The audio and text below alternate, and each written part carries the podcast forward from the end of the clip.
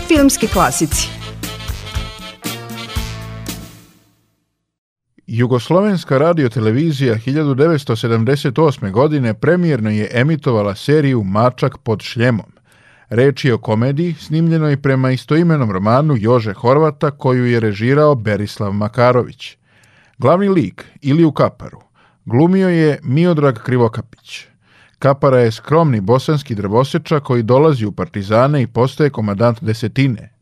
Glumac Miodrag Krivokapić, svoj lik ili u kaparu, odnosno mačka kako su ga u partizanima zvali, opisuje kao prirodno dovitljivog i inteligentnog čoveka. On stalno vata neke krivine, ali op, ne može. I onda ga zatekne, uvek mora da odradi naj, naj, najteže stvari.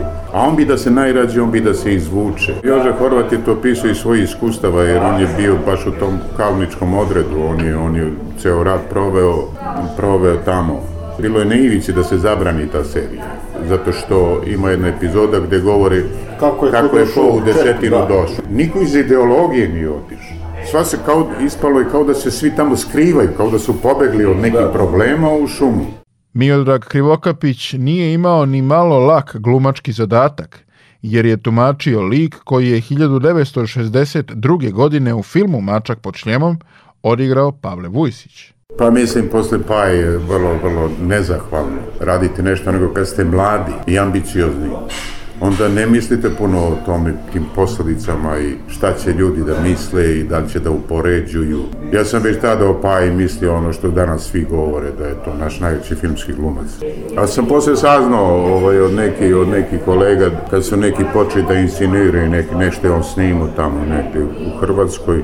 A jeste videli onaj mali što hoće da igra posle vas sa nekim kao omalovažavanjem. Paja ga je oterao od stola. Ti ćeš, kaže, o glumcima da pričaš. I Pavle Vujsić i Miodrag Krivokapić su ulogu Ilije Kapare Mačka glumili odlično jer su i film i seriju Mačak pod šljemom gledaoci veoma dobro prihvatili.